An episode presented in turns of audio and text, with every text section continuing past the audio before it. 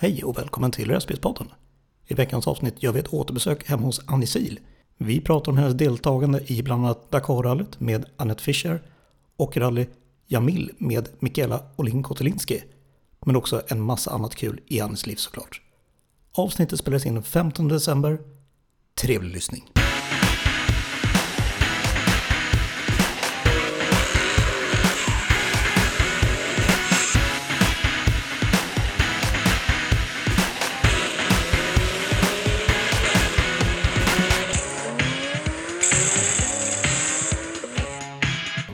Idag så är jag hemma hos, ja ska vi säga, en av världens coolaste rallymänniskor.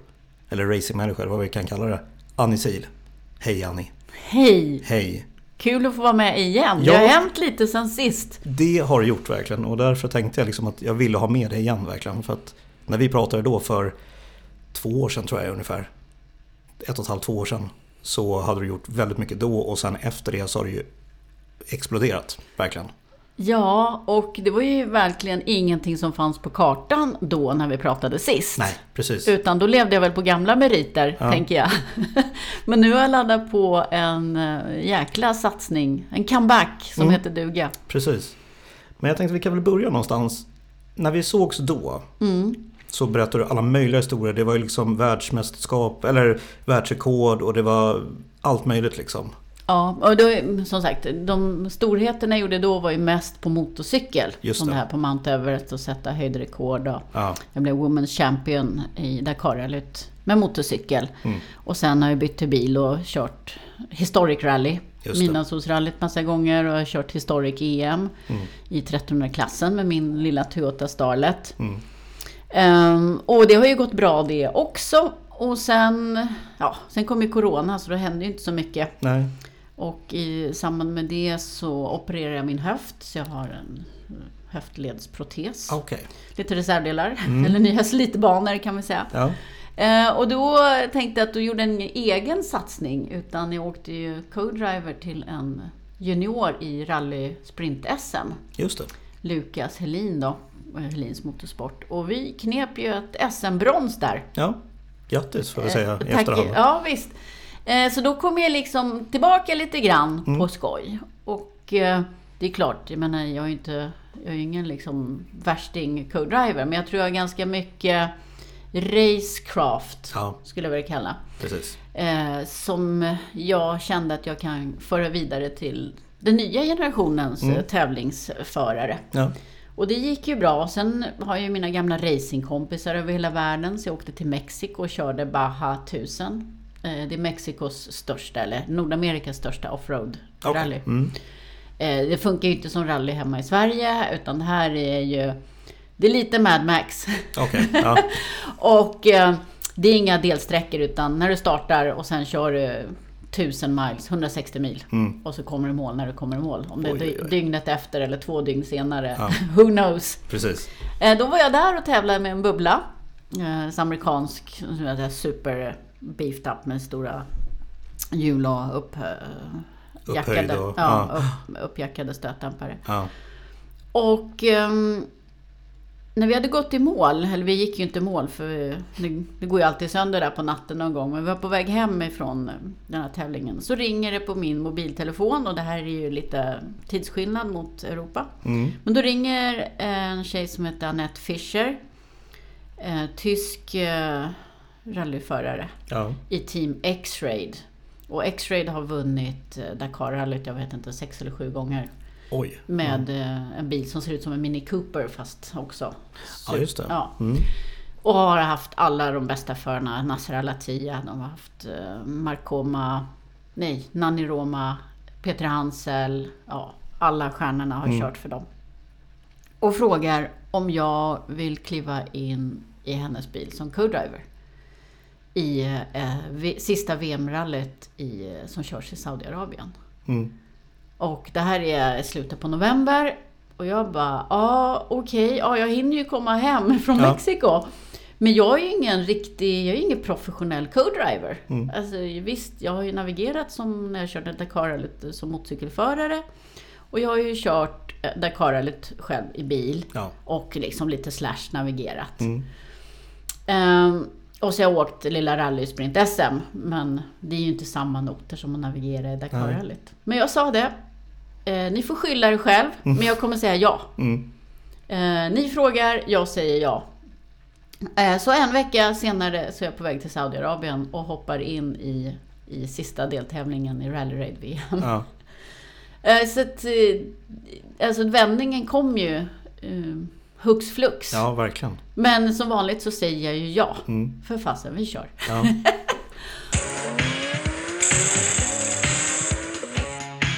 Och vi hade ett väldigt tydligt mål den tävlingen. Eh, vi måste komma trea för att ranka oss i VM. Eller i Dakarrallyt. Och då får vi VM-ranking. Och eh, det är ju, ja, för mig är ju Dakarrallyt det stora äventyret. Men nu är det ju VM. Så för oss är det väldigt viktigt att få bra startposition. Vi ska få poäng och... Så det var ett helt nytt koncept för mig från att köra mer som en glad äventyrare. Just det. Eh, Så att eh, hela den jul och nyår gick ju åt att plugga VM-reglementet för Dakarrallyt. Och då visade det sig att hela tävlingen är omgjord. Det gamla Dakar som hade kört innan har ju nu ändrats så att det ingår i FIA VM i Ah. Rally Raid. Ja. Så det var jättemycket nytt. Mm. Och eh, jag kände knappt igen mig i Dakarrallyt. ja, jag förstår Det det. första. Ja. Men, ehm, och inte nog med det. Vi, vi skulle även köra med fabrikssupport ifrån Yamaha i en sån här buggy, fyrhjulsdriven, 1000 kubikare. Mm. De väger ungefär ett ton. Och eh, så den var en prototyp, så den var inte riktigt testad och klar heller. Ah, Okej. Så för mig var det, det var så mycket nytt Ja. i hela den här Dakar-satsningen. Och när vi åkte första, första shakedown innan start, så vi körde fast i sanddynerna direkt. Det var så? Ja. Dels så funkade inte den här fyrhjuls, tvåhjuls eh, koppling då när man ställer om från tvåhjulsdrift till fyrhjulsdrift. Okej.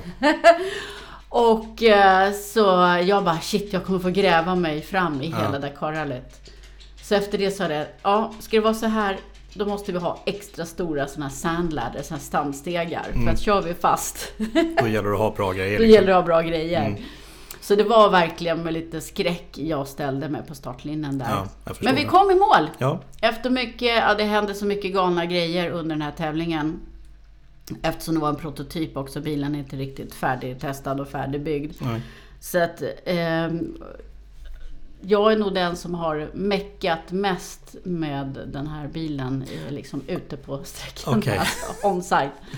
Men vi kom i mål och Ja. vi blev bästa helkvinnliga team då. Otroligt alltså. Det är, alltså den prestationen verkligen. Ja, Ja. jag kommer inte jag tror vi kom 14 totalt i klassen. Ja, det, det var så helt, alltså helt osannolikt. Mm. Och då bestämde sig teamet att då kör vi hela VM-säsongen. Ja. Så 2022 så körde vi Rally Raid VM och kom sexa Mm. totalt. Och första helkvinnliga team. Ja. Eh, nu finns det inte så många. kan Nej, det säga. gör ju inte det. Mm. Tyvärr. Nej, och då... Vi försökte ju, vi försöker alltid peppa såklart. så många som möjligt eh, tjejer att göra det här. Men jag har ju börjat nu inse att köra är ju en sak i Dakar Ja. och navigera. Sen är det allt det andra, Mm. allt jävelskap som händer. Men hur som helst, det, det gick bra i Dakarrallyt. Jag liksom kom in, mm, gjorde ju en comeback där Mm. i Dakarrallyt. Och sen var jag inbjuden till Saudiarabien. Just det. Eh, Saudiarabien var det, för fem år sedan var det förbjudet för kvinnor att köra bil överhuvudtaget. Mm. Det har varit ett väldigt slutet samhälle, väldigt traditionellt och eh, man lever ju efter islam. Liksom. Det är ju Mm. rättesnöret. Men eh, när Dakarrallyt flyttade, det har flyttat från Afrika till Sydamerika Mm. och där kördes det i tio år. Och eh, 2020 så flyttade det till Saudiarabien. Just det. Mm. Det var ju lite ett krux bara. Att Mm. Vad ska man göra med de kvinnliga tävlande i, Ja. i, där- om, man, om det är förbjudet? Precis. Mm. Så då kan man säga ibland är det bra med en envåldshärskare. Så Mm. då bestämde, stäm, bestämde han att eh, men då ska kvinnor få köra bil i Mm. Saudiarabien. Och det här hände för fem år sedan. Ja. Och det har verkligen blivit en boom där nere. Mm. Eh, Så att nu för ja, 2022, då arrangerades Saudiarabiens första helkvinnliga navigationsrally. Så det är inte full fart, utan det handlar om navigation och så får man köra i maxhastighet då. Men Ja. det gäller att navigera exakt rätt då. Mm. Eh, och då blev jag inbjuden att köra den tävlingen. Ja. Eh, och eh, för att göra en bra PR runt det här så tillsammans med, med Mikaela Kotulinski då, som precis börjar köra den här offroad-serien då, Extreme E. Ja. Eh, så hängde hon på och var min co-driver då. Mm. Och eh, ingen visste riktigt hur den här tävlingen skulle gå till. Okej, det var bara man kastar sig in i det. Man kastar sig in, men jag tänkte jag kan ju köra öknen och Ja. jag kan ju navigera. Så Ja. att, hur svårt kan det vara? Mm. Som vanligt, jag säger ju alltid ja. eh, och lite sådär vi hittar på under resans gång. Men vi vann hela tävlingen då. Mm. Just det. Eh, och det blev ju jättestort där nere. Ja. Verkligen. Eh, och jag kan säga att tävlingen, det var över 30 ekipage som stod på startlinjen. Oj, det var så pass många. Och då är det ba, inte bara Saudi, det är från hela regionen. Det var Mm. från um, Dubai och det var från Oman, från Jordanien, från Egypten. Ja. Det var tre amerikanska team, det var något från Tyskland. Lite, ja. Så att det var verkligen på riktigt. Mm. Ehm, och eh, sen eh, fick jag kontakt med några tjejer i Saudi när jag var där. Ja. Och eh, de ville bara köra rally på riktigt. Mm. Och då började jag coacha en av de här tjejerna i Saudiska mästerskapen. Just det. Så då klämde jag in det också, Ja. förutom VM-rally. så då var jag i Saudi en gång i månaden och åkte Ja. Saudiska mästerskapen och vi kom tvåa. Okej, det var tvåan ni kom. Ja. Ja. Vi vann några tävlingar Mm. men vi kom tvåa totalt då Mm. i Saudiska mästerskapen. Och eh, jag kan säga att nu kommer hon ställa upp i, eh, i Dakarrallyt nu här nästa gång. Maha Alhamli. Just det. Mm. Fast jag är inte co-driver då, för Nej. då åker jag ju med Anette igen då. Ja. Så uh, hon har, nu har hon åkt med lite olika co-drivers. Så man måste Okej. hitta det som passar, alltså Mm. att man passar ihop som team. Då. Såklart. Men ändå det är himla kul att vara med och, och bidra på det här sättet. För det, det är så Absolut. otrolig frigörelse Mm. och empowerment av kvinnor i Saudiarabien. Ja. Att de får köra bil och de gör, jag kan säga att de, de verkligen satsar på det här nu. Mm. Så i nästa Dakar här nu 2024, jag tror det är tre saudiska kvinnliga förare. Okej. Ja. Alltså, hallå? Mm. Det har aldrig funnits så många från ett land. Nej. Nej, som är kvinnor. Ja, men från att inte köra bil överhuvudtaget, Överhuvudtaget. till att liksom Mm. verkligen ut och tävla. Ja, så att visst var det kanske lite risk för sportswashing. Ja. eh, Och de satsar ju rätt hårt med det. De har ju pengar och, och satsar ju på idrott. Men jag tänkte att det här så är det ändå ganska banbrytande. Jag kan hjälpa Mm. tjejerna i Saudi att förändra sitt eget samhälle. Ja. Så att eh, inte bara ett verktyg för propaganda. Men jag var tvungen att verkligen att tänka liksom. Men jag kände att min sport, min idrott hjälper faktiskt samhället att moderniseras. Ja, verkligen. Och eh, det är det viktigaste för mig. Mm. När du kom dit och jag, hade du liksom st- Stöter du på liksom, om vi säger problem när du väl kommer dit eller var det liksom öppna armar att Annie kom in, berätta Ja. vad vi ska göra liksom? Helt öppna armar Ja. och jag kan säga eftersom det har varit ett sånt slutet samhälle så Ja. Mm. det finns ju mycket fördomar. Ja, det är muslimskt. Men nej, det finns ingen slöjtvång längre. Nej. Det har funnits det förut. Men nu eh, är det borta. Den unga generationen är väldigt välutbildad. Eh, Mm. De är berest. Eh, Det här är ju inget fattigt land Nej, gud nej.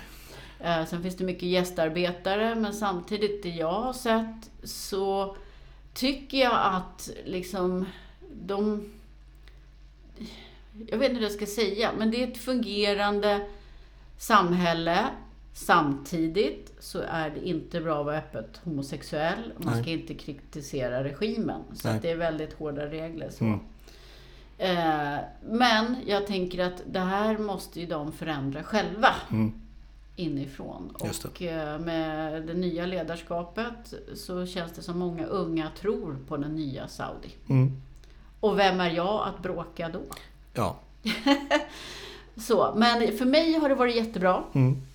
Ehm, jag är alltid Annie. Ja. Jag är inte på något annorlunda Nej. sätt. Och det är bra det tycker jag. Ja, och eh, jag får bidra med det som jag är bra på. Exakt. Eh, och jag tänker att det, är- det är väl det bästa sättet. Ja. Att man eh, bidrar och eh, visar goda exempel. Mm. Hellre än att skriva folk på näsan hur, Ja. dåliga, hur dåliga de är. Mm. Så, så lyfter jag de goda exemplen. Så Ja. det är mitt mission. Mm. Bra det tycker jag. Jag tänker när du var där då och träffade alla de här tjejerna som skulle köra och sådär. Är det, hur stor koll har de liksom på dig i det fallet? Liksom? Hade de läst på som 17 eller var det liksom att jaha, hej, vem är du? Eller? Eh, Många hade ju ingen motorintresse så. Nej, det var så? Nej, Ja. utan det här är- var ju en offroad-körning Ja. för de som ville liksom... För det ska man veta att det är en stor grej i Saudi. Man kör Mm. ju ut i öknen på helgerna. Ja. Och så liksom kamp, inte kampa, men man lagar mat ute och har liksom en stor familj eller släkt. Mm. Släktpicknick blir det väl mer. Ja. Eh, Så det det gör man ju. Mm. Eh, Så att jag kan säga tjejer har nog kört bil även innan. Okej. Okej, Mm. fast det är inom familjen då. Mm. Eh, Men nu, så det är inget konstigt. Så att det finns många tjejer som kör offroad. Ja. För liksom, öknen finns ju runt hörnet. Mm. Eh, Utan det här var ju liksom första gången man då började tävla i navigation Ja. och bara liksom, ja, i tävlingsform. Mm. Som är, kan man säga, första steget. Och sen börjar det köra här. Men det finns många tjejer som kör mer track days och hill climb och Okej. autocross finns det. Och det är väl kanske lite som vi har folkrace eller Ja. rallycross. Eh, Så det är också vuxit. Mm. Och tjejer som kör motorcykel. Så att eh, det händer jättemycket Mm. där nere. Jag tycker det är så kul att tjejerna verkligen vill och driver det här själv. Mm. Det är ju det bästa. Ja, det är fantastiskt. Ja. Så, men mig hade de inte jättekoll från början. För att, Nej. men jag har ju egentligen lagt av. Så Ja. eh, Det jag gjorde för tio år sedan har ju de ingen aning om. Nej. Nej, då kanske de bara var 10-12 år. Mm. Liksom. Så att, ja. Ehm, Men nu vet de vem jag är. Ja. Jag lovar. Mm. Och då har väl gissar jag också läst på och liksom sett vad du har gjort bakåt i tiden så. Ja, det vet jag fasen. Jag tror de har nog koll på det jag gjort nu. Jag Ja. vann det första Rally Jamil. Ja. Och sen åker jag Dakar-rallyt där nu. Så Just det. eh, det är nog gammalt, gamla bedrifter är nog glömt. Men man ska inte glömma att du har ju ofantligt många meriter bakåt liksom. Mm. Det är nästan så jag börjar glömma bort dem själv. Det är som ett annat liv. Mm. Eh, Och speciellt med motorcyklarna. Det känns jättelänge sedan. Ja.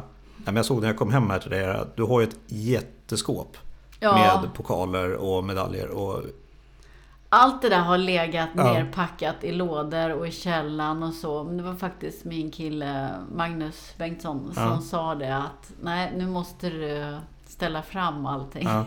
Är det allting det där? Nej, inte riktigt Nej, jag allt. kan tänka mig det måste vara mer. Vissa grejer har ju försvunnit under resans Okej. gång. Ja. Så. Eh, Men eh, det är väl de, de största. Mm. Liksom så. Men, men i princip, men det är ganska trångt så de, Mm, jag såg den. de står intryckta. Jag hade nog kunnat fylla en hel vägg om jag liksom spred Ja. ut dem lite. Men nu står de ihopträngda i två stora skåp och sen uppe, uppe på. Det, så att, Kan du plocka, jag gissar att det är jäkligt svårt, men det priset som du är mest nöjd med? Eller stolt kanske man ska säga. Ja, jag brukar säga att min största seger är ju min första Dakar-rally på motorcykel Ja. år 2002. Och det är för att jag genomförde det sämst genomförda, jag överlevde det sämst genomförda Dakar-rallyt ever. För det hände ju så mycket. Jag hade motorhaveri, jag hade kraschat och brutit högerhanden och blåslagen och hade feber och ja, det hände så mycket grejer. Ja. Sandstorm, 12 års regn, köra dygnet runt och kom i mål. Ja. Så det är min största bedrift, eller liksom min största seger. Men jag har ju ett, eh, vad kan kalla det, inofficiellt VM-guld då. Just det. I uh, Rally Raid, 450-klassen, Mm. 400-klassen. Eh, sen har jag ju vunnit uh, Women's Champion i Dakar-rallyt på motorcykel och Women's Champion eh, i bil Ja. i Dakar-rallyt. Så det är också två stora segrar.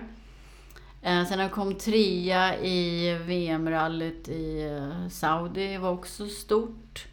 Sen eh, kom, tror jag, tolva totalt på motorcykel i Egypten, Faro-rallyt. Ehm, så att ja, det, det finns några stycken. Det gör där, det dels antingen min egen prestation eller hur bra jag varit totalt i Ja. det sällskapet. Så, Ja. Så, ja, så jag har ju många. Men sen har jag ett nordiskt silver i uh, enduro också. Just det. och det var en bedrift för mig för jag är ganska dålig i enduro. Men eh, Okej. för mig var det jämförelsevis lätt åkt för att kunna ha fötterna på fotpinnarna. Ja. Så jag behövde inte, inte sparka mig fram i några dihål. Precis. det var min typ av bana. Jag tänker då när du har kört, då när du var över i eh, Mexiko och körde det där Mm. och liksom får förfrågan efter förfrågan och liksom känner att du vill liksom slå nytt världsrekord som du känner att det här har jag inte gjort, för du har ändå slagit några världsrekord liksom. Ja, Känner du att du ska slå något nytt eller vill du slå ditt eh, gamla rekord eller något sånt? jag kommit på att jag, jag gillar ju utmaningar. Ja, Och det är verkligen. därför jag säger ja. Eh, mycket är ju att se om, alltså, om jag kan och hur långt kan jag komma. Mm. Det är lite som att hoppa från gungan när man var liten. Just där. det. Man tar fart och sen så ser man hur långt man kan komma när man hoppar. Och jag är lite sån fortfarande, det är samma mentalitet. Jag gillar utmaningen, gillar att utmana mig själv och nu när man har gjort så mycket så tänker jag att eh, med all den här erfarenheten, hur kommer jag klara den här situationen? Så Mm. var det nu när jag klev in i ett fabriksteam.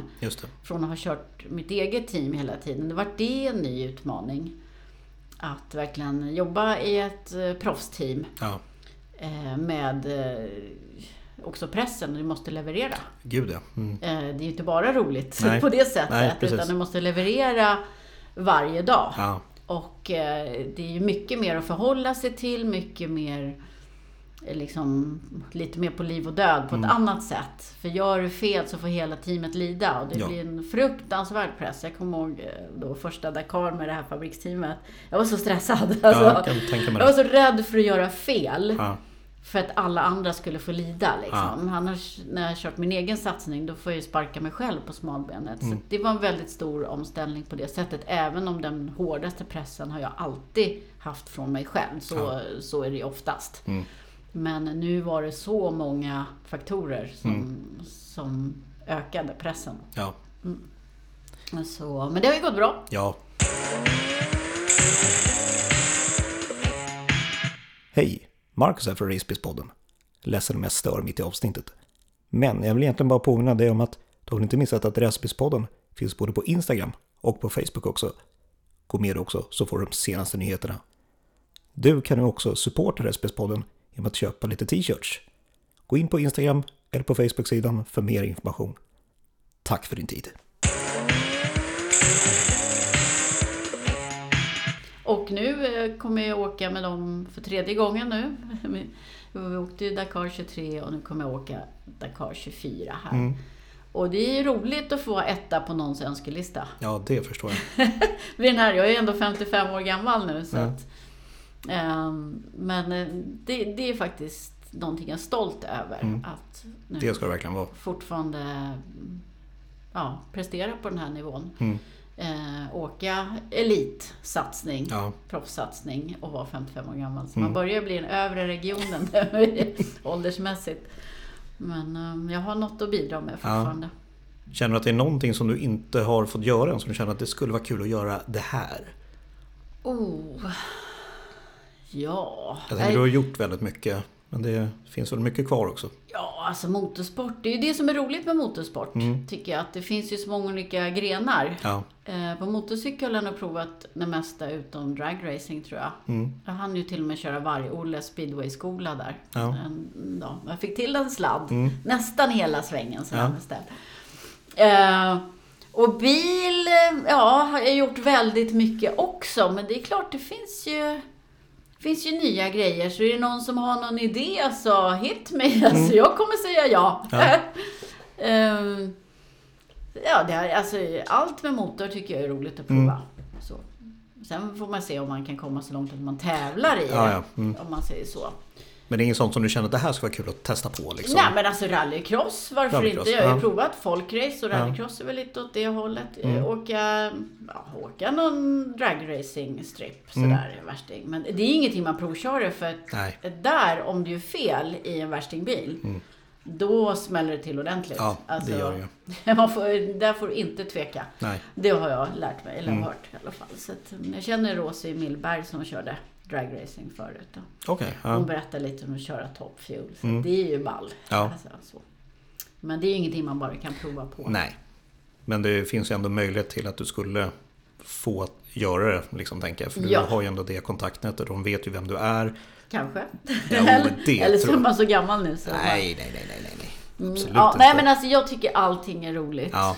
Eh, och sladda tycker jag fortfarande är roligt. Mm. Och så, så det växer jag väl aldrig ifrån. Nej. Keeps me young. Ja, precis. Mm. Vi pratade lite grann här förut. Här. Du var ju på, um, du åker på föreläsningar och sånt. Håller lite föreläsningar och sånt. Ja, Ja, det är ju ett sätt för mig att överleva mellan rallytävlingarna. ja, Och eh, det, jag pratar ju inte liksom bara motorsport och mitt tävlande utan liksom mer livet Mm. inbakat i det här. Att det är många faktorer som ändå är väldigt generella, många kan ta till sig. ja. Eh, och eh, jag kan säga att folk minns ju inte alla segrarna utan de minns ju mina krascher. Jaha, det är det de Ja. kommer ihåg mest? Okej. Det är alltid det som brukar vara de stora minnena. Men det är ju samtidigt det handlar om att övervinna sig själv och motgångar. Och det är ju Ja. också livet i stort. Mm. Eh, Så att det brukar sprida lite förskräckelse och pepp. Mm. Och kämpa, kämparanda. Mm. Det brukar väl vara de stora minnena. Sen tycker de väl att jag är lite galen också. Ja. Men det är ju, är ju bra om man ska överleva. Ja, ja, gud ja. Mm. Men vad är det för människor som du åker och träffar då? Är det liksom företag eller är det... mm, Mest är ju helt vanliga, helt vanliga människor, Okej, helt vanliga företag. Och jag är ju också, när jag är vanlig så är jag vanlig Ja. människa. Mm. Det är ju när jag åker de här Dakarrallyn eller tävling, tävlar som jag blir en annan människa. Men Ja. på utsidan är jag en ganska normal människa. Jag har ju alltid haft ett vanligt jobb vid sidan av. mitt tävlande. Mm. Men eh, som nu senast var det tekniska konsulter och ingenjörer Okej. eh, som eh, lyssnade. Och när man först kommer till ett sånt här företag så tänker man att man egentligen på utsidan har man ju ingenting gemensamt. Nej. Men när man börjar prata om tänk och driv och problemlösning och sånt så hittar man någonting Mm. som är precis likadant. Just det. Och då visar det sig att många fler än man tror som jag träffar har ändå det som krävs till exempel för att kunna vara med i mitt team. Ja. Alla behöver inte bli förare. Nej. Utan det finns så mycket annat runt ett Dakar-team som behövs. Mm. Och det behövs ingenjörer och tekniker och eh, ja, sådana som liksom projekterar och Ja. håller ihop eh, en satsning. Så att det är många kompetenser Mm. och det är det som är roligt med Dakar lite också. Att det finns nästan plats för alla. Ja. Bara du inte är morgontrött Nej, precis. och grinig liksom. Nej, det, det funkar inte. Nej, det funkar Nej. inte för att eh, li- för lite sova är väl standard för alla. Men Ja. annars, eh, nej, det är roligt och det, Mm. jag tror därför man blir som en jättefamilj i Dakarrallyt. Mm. Att under de här två veckorna så, så måste alla prestera på max. Ja. Med eh, liksom lite dåligt med resurser om man tänker äta, sova och sådär. Mm. Det, blir, det blir när det blir. Ja. Men alla har ett gemensamt mål som är väldigt tydligt. Mm. I livet så kanske det är lite svårt att få samma engagemang. Då får man hitta på de grejerna under livet där man kan uppbringa det här Just det. engagemanget. Ja. Om man pratar då, du nämnde ju det att du har kört med Mikaela Kotelinski. Ja, Vad har ni, hade ni tävlat någonting innan? Ingenting alls? jo eller ja, det har vi faktiskt gjort. Ja. Och det här är lite roligt med Mikaela. För jag träffade henne på Mantorp, tror jag, 2012. Okej. Och då var ju hon en liten junior. Liksom. Mm. Och eh, vi körde långlopp. Jag körde ett team och hon körde ett annat team. Och då började jag prata med henne. Ja. Det var ju så kul att träffa någon tjej sådär. Mm. Mm. Och då bjöd jag in henne att åka med mig i Krutkuppen. Som är så här riktig vad heter det, amatör eh, skrotbilsrace Ja. kan vi säga. En långlopp. Eh, och eh, då hoppade hon med i mitt team. För jag hade ett tjejteam. Ja. Eh, en, nej, vad hette vi? Killer Babes. Okej. Så då var hon med och körde i någon skrotig gammal Golf. Ja. Eh, och vi fick kontakt så. Mm. Mm, och sen har vi ju sett hur, vilken fantastisk karriär hon har gjort. Så vi har Ja. haft, jag följer ju henne, hon är med i samma klubb som jag, KAK, så jag har ju skrivit om henne i våran tidning. Mm. Så att sen när, vi, när jag skulle åka det här var det lite roligt att vi från KAK Och eh, hon hade precis börjat köra då offroad. Ja. Mm, så eh, tävlade vi, men nu var det på en helt annan Ja, nivå. Ja. Fast ändå så var det fortfarande lite det här roliga amatör-feelingen. Mm. Men eh, vi fick ihop det. Ja. Och jag tror att vi är båda extrema tävlingsmänniskor. ja, det är ni verkligen. Skulle jag nog vilja ja, säga. Det är ni verkligen. Ja. Så att det är jätteroligt. Men nu, eh, nu har ju hon verkligen gjort eh, fantastisk säsong i Ja. år. Så att eh, det är jätte, jätteglad Mm. för att hon har fått ihop alla bitarna. Ja. Mm. Jag förstår inte hur hon hinner med det. För det känns som att hon gör en sak, presterar extremt bra och sen så byter någonting annat Ja. inom motorsporten. Gör det, nu är jag klar med det, check, nu byter jag. Ja, Ja, precis. Men hon har ju det, ja. det där. ja det där som man måste ha liksom, för att lyckas. Det där pannbenet verkligen. Precis. Som du också sitter på verkligen. Ja, precis. Så att, nej, det är jättekul. Mm. jättekul. Har ni planer på att göra någonting ihop igen? Nu har jag inte hört, jag vet inte vad hon har för planer Nej. just nu. Men jag, eh, alltså jag, behöver hon en co-driver, ring mig. Ja. Det låter bra det Ja. jag.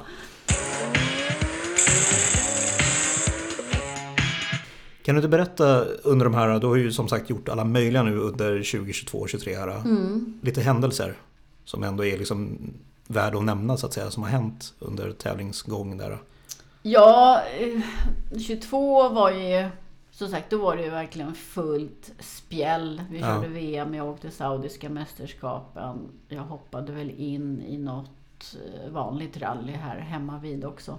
Så det var, det är verkligen, jag åkte rally varje vecka kändes det som. Ja, Och um, ja, det gick bra. Sen 2023 så åkte vi Dakarrallyt igen med Yamaha-teamet där. mm.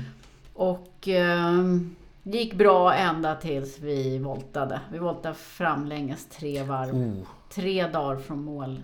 Och det var... Vi fick ihop bilen, kunde fortsätta. Men eh, vid sen teknisk kontroll så visade det sig att våran störtbrur hade svankat. Den hade tryckts ihop lite. oj. Mm. En centimeter bara som man tycker är ingenting. Men vi fick inte fortsätta. Nej. Så det var jättesnopet. Förstår jag. Mm. Och Dakar är ju det stora för mig. Ja. Eh, Men i våras har jag åkt en hel del rally då i Saudi bland annat. Mm. Började coacha en eh, ny tjej. Ja. Eh, så, och nu så är det upptakt för Dakar 2024. Mm. Så att, ehm, ja, det händer ju grejer hela Ja. tiden. Så är det. Men i i år tror jag inte jag haft några jättestora sådär. Det kändes som 2022, det var, då rev vi av allting. Liksom. Nu, har, nu har man bara rullat på som vanligt. ja. Mm. För du coachar även ungdomar också? Ja, Ja. och det har ju... eh, Det här med eh, ungdomar. Jag tycker... Och ungdomar, nu är man ju junior tills man är 25 inom motorsporten. Så jag har ju varit i Saudi och coachade en ganska ung tjej. Hon var väl strax över 20. Mm. Eh, och där är det att jag tänker att jag vill pass it forward. Att jag har så mycket erfarenhet och kunskap. Och ehm, på något sätt skicka vidare. Mm. Alla, alla erfarenheter vill man kanske inte köra själv eller det kanske blir Nej. dyrt att göra dem själv så kan jag hjälpa till på något sätt. Och i min klubb då, Kungliga Automobilklubben, så skriver jag i vårt fina klubbmagasin om våra unga talanger och förmågor redan från go-kart Just det. Och uppåt. Och eh, jag har följt en kille nu som heter Scott Kin Lindblom i några år och eh, han, han tävlar internationellt och är Mm. fabriksförare i go-kart. Okej, oj. Ja. Och nu senast så eh, tog han ett VM-brons i Mm. alltså go-kart-VM och där, där har ju Max Verstappen och Alonso och Mick Schumacher Ja. och alla de här har liksom kört go-kart-VM och de stod på pallen på sin tid. Mm. Så vi kanske har en ny stjärna i Mm. vardande. Det låter som det tycker jag. Mm. Och så har vi några tjejer. En, um, en tjej som heter Milla. eh, som också go-kart och var uttagning till um, så Formel Academy. Vad heter? Rising Star. Milla Sjöberg. Ja. Som också en lovande tjej. Mm. Jätteduktig som satsar 100%. Um, så, och sen har vi många som kör andra internationella kupper och serier. Och go-kart-talanger i SM och tog ju flera guldmedaljer i de olika go-kart-klasserna. Och sen som har tagit Formel SM, eh, Linus eh, Granfors. Just det.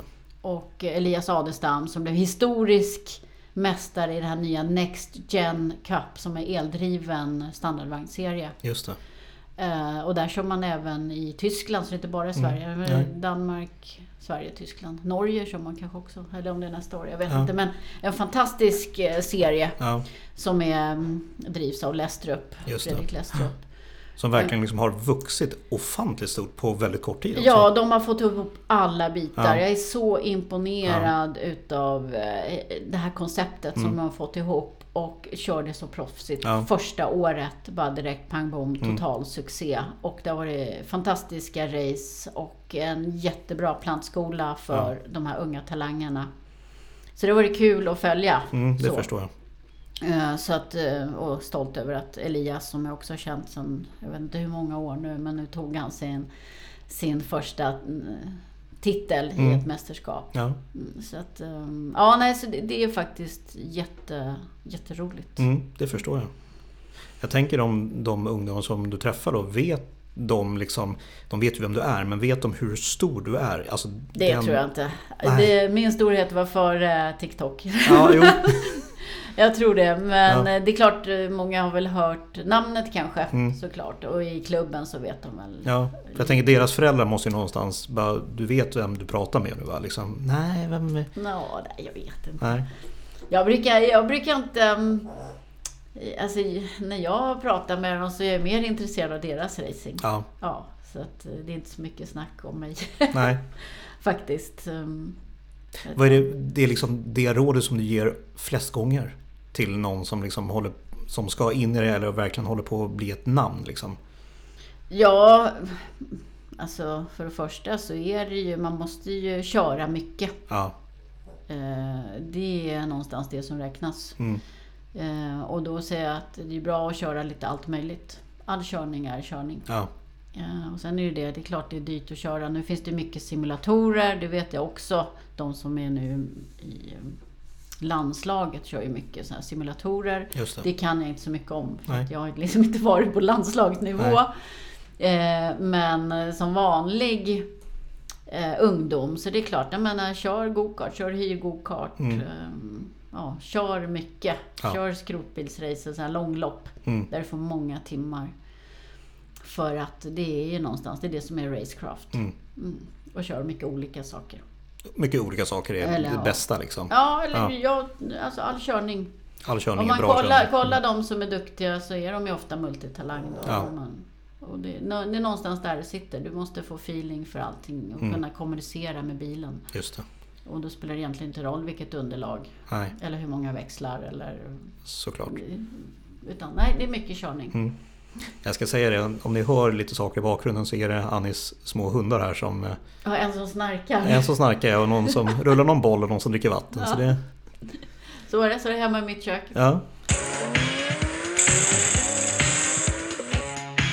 Framtiden då om man säger för dig. Alltså nu, du har ju som sagt mycket utstakat nu. Du ska iväg här efter nyår. Mm. Så ska du ner till, ehm, till Saudi. Tyskland. Saudi. förlåt. Mm. Saudi. Ja. Och köra Dakar. Ja, 5 till 19 januari går eh, Mm. Dakarrallyt. Så Just det är det. mitt elfte då. Ja. Och då åker jag det här Yamaha-fabriksteamet. Mm. Och sen får vi se, beroende lite på hur det går, så kanske det blir en full VM-satsning igen då. Mm. Eh, det, Dakarrallyt sätter lite tempen för eh, Ja, jag resten förstår av det. året. Men eh, sen kommer jag åka Rally Jamil, det här tjejrallyt i Saudi igen. Just det. eh, Med mitt eget team. Jag har Ja. inte bestämt vem som blir min co-driver ännu. Ah, Okej. Så att det kanske blir någon som eh, får den lyckliga guldbiljetten där. Mm. Mm. Har du någon så här som du vill ha med? Som du skulle vilja köra med? Det, det finns ju olika. Det här är ju, jag vill ju lära upp någon ny. Förra Mm. året hade jag en tjej som var med mig som co-driver. eh, Som, för att lära upp sig då. Ja. Så det är väl kanske det som är lite ambitionen. Men sen om det blir en svensk tjej vet jag inte. Nej. Det kanske, nu har jag haft två svenska co-drivers. Så att Mm. jag kanske ska ta från något annat land. Mm. För att lyfta lite där då. För i Ja. Sverige har vi mycket, vi är ju jätteduktiga svenska tjejer inom motorsport. Absolut. Så det känns nästan lite så här, jag behöver kanske inte lyfta det så mycket mer. Nej. Utan eh, kanske någon annanstans. Mm. Vi får se. Bra. Du nämnde ju också, du har ju din sambo Magnus. Ja, Bengtsson. Ja. Mm. Hur mycket, alltså som sagt du har ju extremt mycket att göra men han accepterar ju det. Han har- han har ju valt han dig, vet, liksom. Precis, han har valt mig. Ja. Vet för mig. han har till och med anlitat mig som föredragshållare Ja, och på precis. olika event under årens lopp innan vi blev ett par. Mm. Äh, nej men eh, han är ju väldigt delaktig i det här och jag Ja. är ju brand ambassador för Ja. Bengtsson bil och där har vi ett gemensamt intresse med lite äldre klassiska bilar. Mm.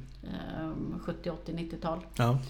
Så eh, där är jag ju liksom med i hans verksamhet också. Ja. När han gör såna här barn finds. Han hittar bilar som har stått övergivna i lador. Så Mm. åker vi och hämtar dem med min trailer och vinschar upp dem och så. Så att eh, vi har ju ett motorintresse båda Mm. två. Så att, Hur mycket är han med i din verksamhet då när du till exempel åker till Saudi? in, alltså inte med på tävlingar. Ah, han, Okej, det- han är inte med liksom i teamet och liksom styr någonting? Det, sånt. det Nej. finns inte. Nej, Utan när jag är där då är det 100% jobb. ja, jag förstår. Så att eh, jag har ingen, alltså det, det får inte finnas några distraktions... Nej, jag förstår. Och man kan inte ha, i Dakarrallyt speciellt kan du inte ha med dig dödkött.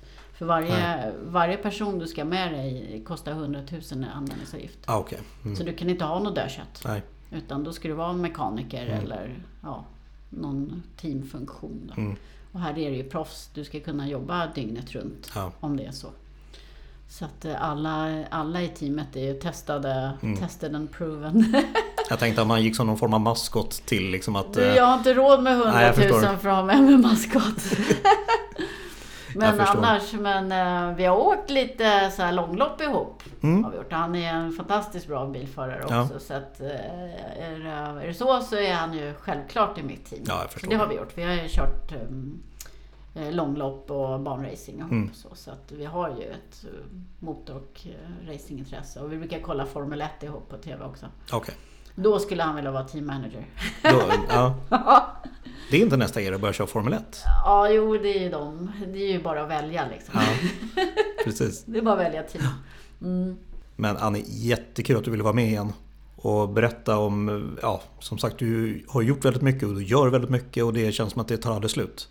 Nej, jag hoppas verkligen inte att det tar slut. Utan nu har jag gjort min eh, tredje eller fjärde comeback eller Ja. karriärsbyte. Ja. Och eh, känner ju fortfarande jag har mycket att ge och Ja, har roligt. verkligen. Och det är ju det som är... Det är det motorsport, det är ju livet för mig. Mm. Och eh, jag sammanfattade, jag var på motorsportsalongen här i, Karlstad för Ja, du var där. Ja, jag var där. Mm. Vilket fantastiskt evenemang. Jag måste verkligen lyfta det här Mm. mm. motorsportsalongen. Och då träffade jag bland annat Tina Turner och ja, gamla Dakar-minnen och Ja. eh, rallyliv. Jag menar, vi har hållit på länge båda två, även om jag fortfarande är aktiv. ja, då sa jag det att det här rallylivet, att det har inte varit lätt och jag Nej. har inte gjort alla rätt. Men Okej. fy fan vad jag har kört det. ja, det har du gjort. Ja, och fortsätter. Ja. Så länge jag bara kan. Känner du någon gång det så här, nu har jag gjort allting, nu ska jag liksom... Jag är inte där ännu. Du är inte där? Nej, det är bra det tycker jag. Så att du inte har bestämt att när jag fyller det här Ja, eller... Det har jag ju också tänkt. Ja. Eh, Men så kommer jag tillbaks. Ja, du Ja. gör ju det. Så är Och det. det tycker vi är kul. Ja, det finns mycket att göra Ja, i motorsport. Det gör ju det. Mm. Men som sagt, tack för din tid och eh, lycka till under 2024. Nu får ni heja på mig. Ja, Tack. det ska vi göra. God jul, gott nytt. Detsamma.